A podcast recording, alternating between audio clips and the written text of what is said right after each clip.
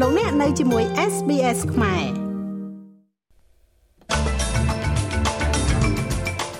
សភាអាមេរិកអនុម័តកិច្ចព្រមព្រៀងនាវាមួយទឹកអុកអឺសអូស្ត្រាលីពិចារណាសំណើអាមេរិកបញ្ជូននាវាចម្បាំងទៅសមុទ្រក្រហមស្លាកលេខរថយន្ត New South Wales 1ដាក់ដេញថ្លៃជាសាធារណៈជាង10លានដុល្លារ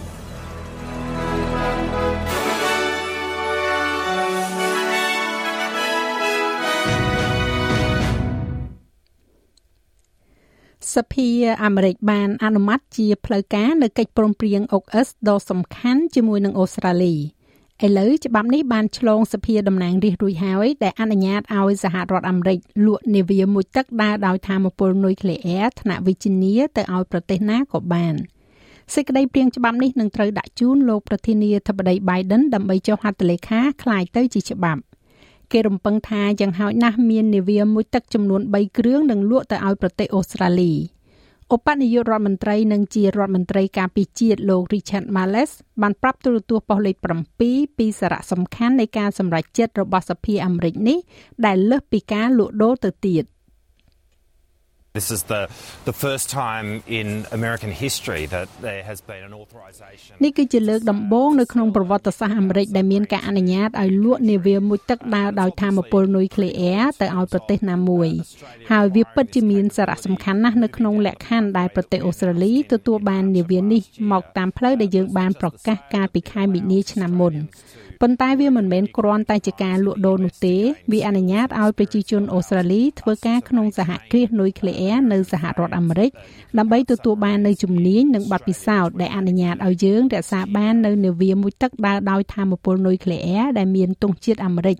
នៅក្នុងប្រទេសអូស្ត្រាលីដែលយើងគ្រោងនឹងធ្វើនៅឆ្នាំក្រោយ។ ជាមួយគ្នានេះអូស្ត្រាលីនៅមិនទាន់សម្រេចថាតើខ្លួននឹងគោរពទៅតាមសំណើពីសហរដ្ឋអាមេរិកក្នុងការបញ្ជូននាវាចម្បាំងទៅកាន់សមុទ្រក្រហមចាំពេលមានភាពតានតឹងកំពុងតែបន្តនៅមជ្ឈិមបូព៌ាទីដែលអ៊ីស្រាអែលកំពុងធ្វើសង្គ្រាមលើក្រុមហាម៉ាស់នៅតំបន់ Gaza Strip ដែរឬទេ សំណើនេះបានមកពីកងទ័ពជើងទឹកសហរដ្ឋអាមេរិកដែលចង់ឲ្យនាវានេះចូលរួមជាមួយនឹងក្រុមការងារអន្តរជាតិបន្ទាប់ពីមានការកើនឡើងនៃការវាយប្រហារលើនាវាជាច្រើនដោយកងជីវពលដែលគ្រប់គ្រងដោយអ៊ីរ៉ង់ដែលព្យាយាមបង្អាក់ការផ្គត់ផ្គង់បង្ហាញខ្លួននៅកម្មវិធី Sunrise មេដឹកនាំបកប្រឆាំងស្ដីទីលោកស្រី Susan Lee បានមានប្រសាសន៍ថា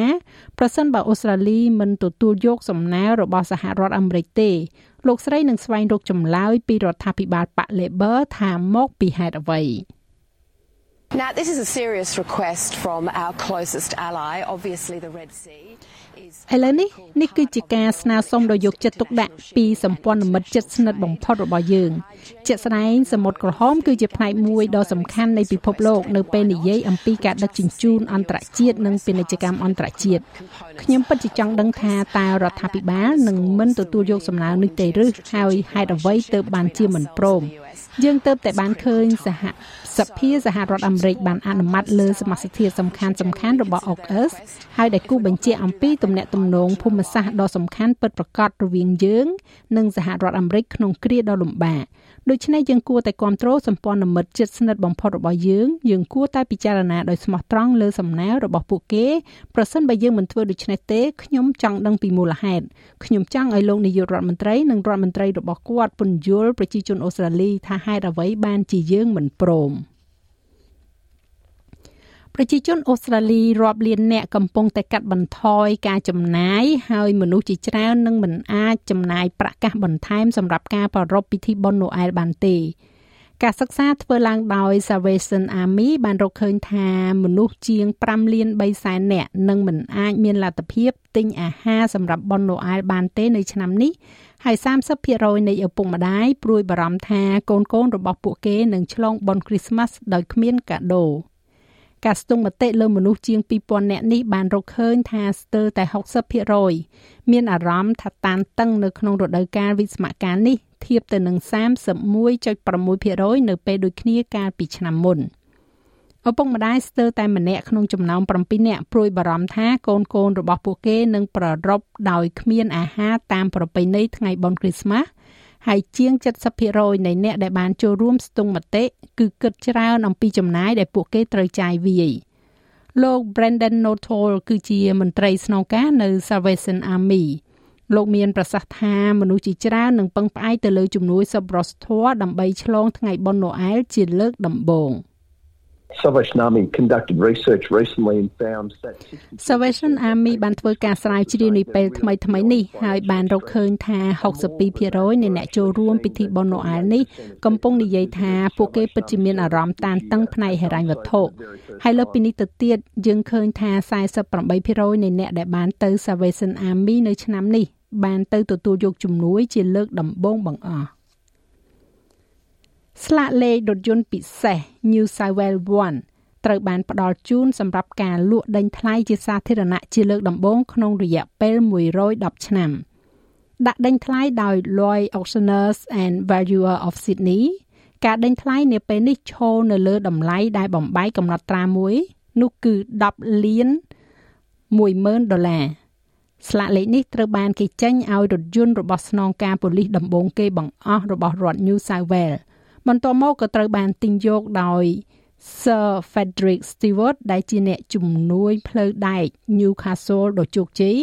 បានប្រែក្លាយម្ចាស់ក្រុមហ៊ុនរថយន្តក្រុង និងជាស្ថាបនិកក្រុមហ៊ុន Australian National Airways ដែលពាក់ស្លាកលេខនេះនៅលើរថយន្ត Oldsmobile របស់លោកមុនពេលដែលលោកទទួលមរណភាពនៅឆ្នាំ1961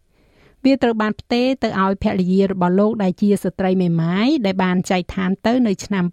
2000ប៉ុន្តែទើបតែត្រូវបានគេយកមកដាក់ដេញថ្លៃឥឡូវនេះ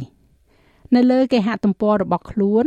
Lois បង្ហាញថាអ្នកដេញថ្លៃត្រូវតែមានលិខិតអនុម័តជាមុន ដែលគេហៅថា pre-approval ដើម្បីអាចដេញថ្លៃបាន ស្លាកលេខ New South Wales 4លក់នៅក្នុងតម្លៃបំបែកកំណត់ត្រា2លាន4សែន 50,000ដុល្លារនៅក្នុងឆ្នាំ2017ថ្លៃចំណាយនៃការសាងសង់ផ្លូវ North East Link ក្នុងទីក្រុង Melbourne ត្រូវបានគេព្យាករណ៍ថានឹងកើនឡើងជាងទ្វេដងនៃការប៉ាន់ស្មានពីដើមដំបូងគម្រោងផ្លូវដ៏ធំនៅភាគខាងកើតនៃទីក្រុង Melbourne នេះដើមឡើយគេរំពឹងថានឹងចំណាយអស់10,000លានដុល្លារនៅពេលដែលវាត្រូវបានប្រកាសឲ្យដឹងក្នុងឆ្នាំ2016 ប៉ុន្តែឥឡូវនេះគេរំពឹងថាវានឹងចំណាយអស់26,100លានដុល្លារការសាងសង់ដែលកំពុងតែចាប់ផ្ដើមដំណើរការរួចហើយនេះ នៅលើផ្លូវតភ្ជាប់ប្រវែង10គីឡូម៉ែត្ររវាងផ្លូវ Western Ring Road និង Eastern Freeway ដែលក្រុងនឹងមានទំហំរហូតដល់20លែននៅក្នុងកំណត់ផ្លូវខ្លះហើយរួមបញ្ចូលទាំងផ្លូវរុងក្រោមដីប្រវែង6គីឡូម៉ែត្រកន្លះផងដែរ។ អភិបាលរដ្ឋ Victoria លោកស្រី Jacinta Allen បានសន្មត់ថាការកើនឡើងយ៉ាងខ្លាំងចំនួន10,000លានដុល្លារនេះគឺបណ្ដាលមកពីកត្តារួមផ្សំជាច្រើនរួមមានការផ្លាស់ប្ដូរខ្លះៗទៅលើគម្រោងនេះការកើនឡើងនៃថ្លៃសាងសង់បញ្ហាខ្សែសង្វាក់ផ្គត់ផ្គង់និងផលប៉ះពាល់អតិផរណានៃព្រឹត្តិការណ៍ពិភពលោកដូចជាโรគរាតត្បាត COVID និងសង្គ្រាមនៅអ៊ុយក្រែនជាដើម។ យើងងាកទៅខាងមជ្ឈិមបូព៌ាវិញកងកម្លាំងការពារអ៊ីស្រាអែល IDF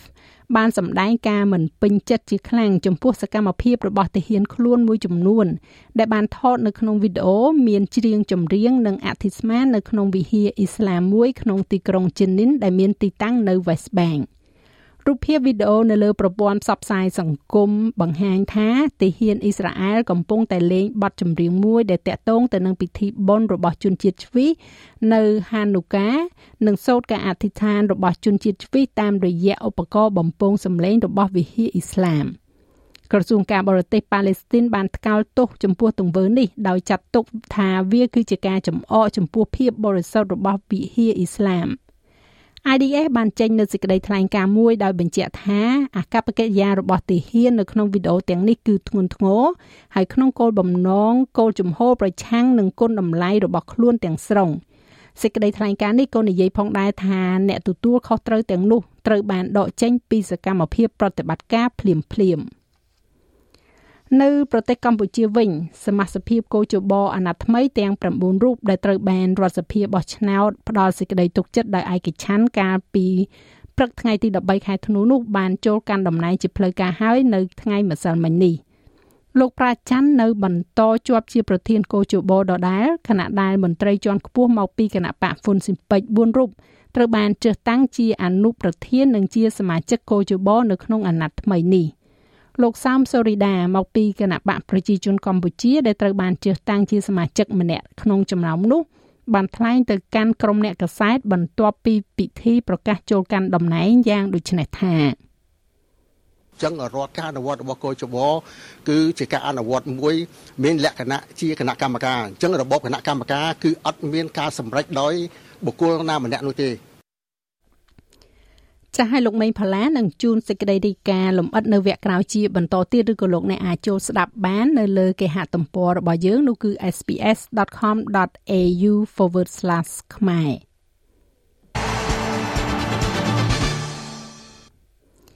នៅក្នុងព័ត៌មានកីឡាបាល់ទាត់គ្រូបង្វឹកក្រុម Socceroo លោក Graham Arnold ត្រូវឈឺក្បាលជាខ្លាំងម្ដងទៀតនៅមុនការប្រកួត Asian Cup នៅដើមខែមករាឆ្នាំក្រោយ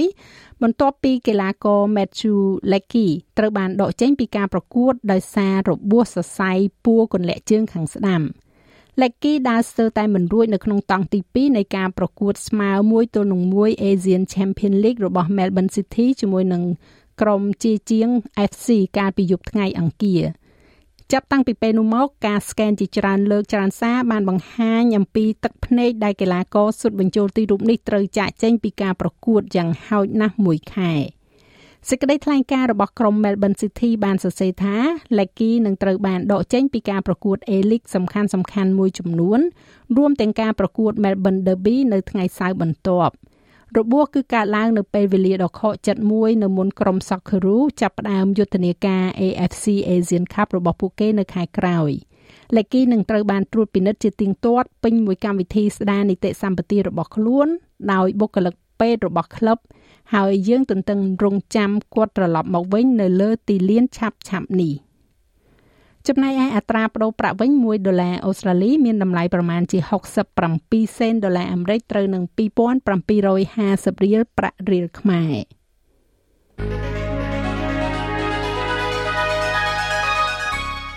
ឥឡូវយើងក៏លេខមើលការព្យាករណ៍អាកាសធាតុសម្រាប់ថ្ងៃសៅរ៍ស្អែកនេះវិញ នៅទីក្រុងផឺតភាគច្រើនបើកថ្ងៃ35អង្សា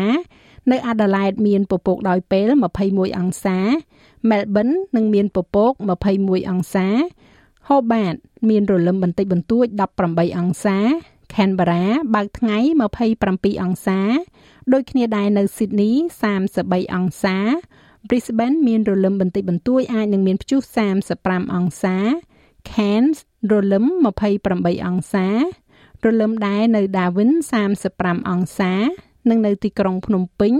មានពពកភាគច្រើន33អង្សា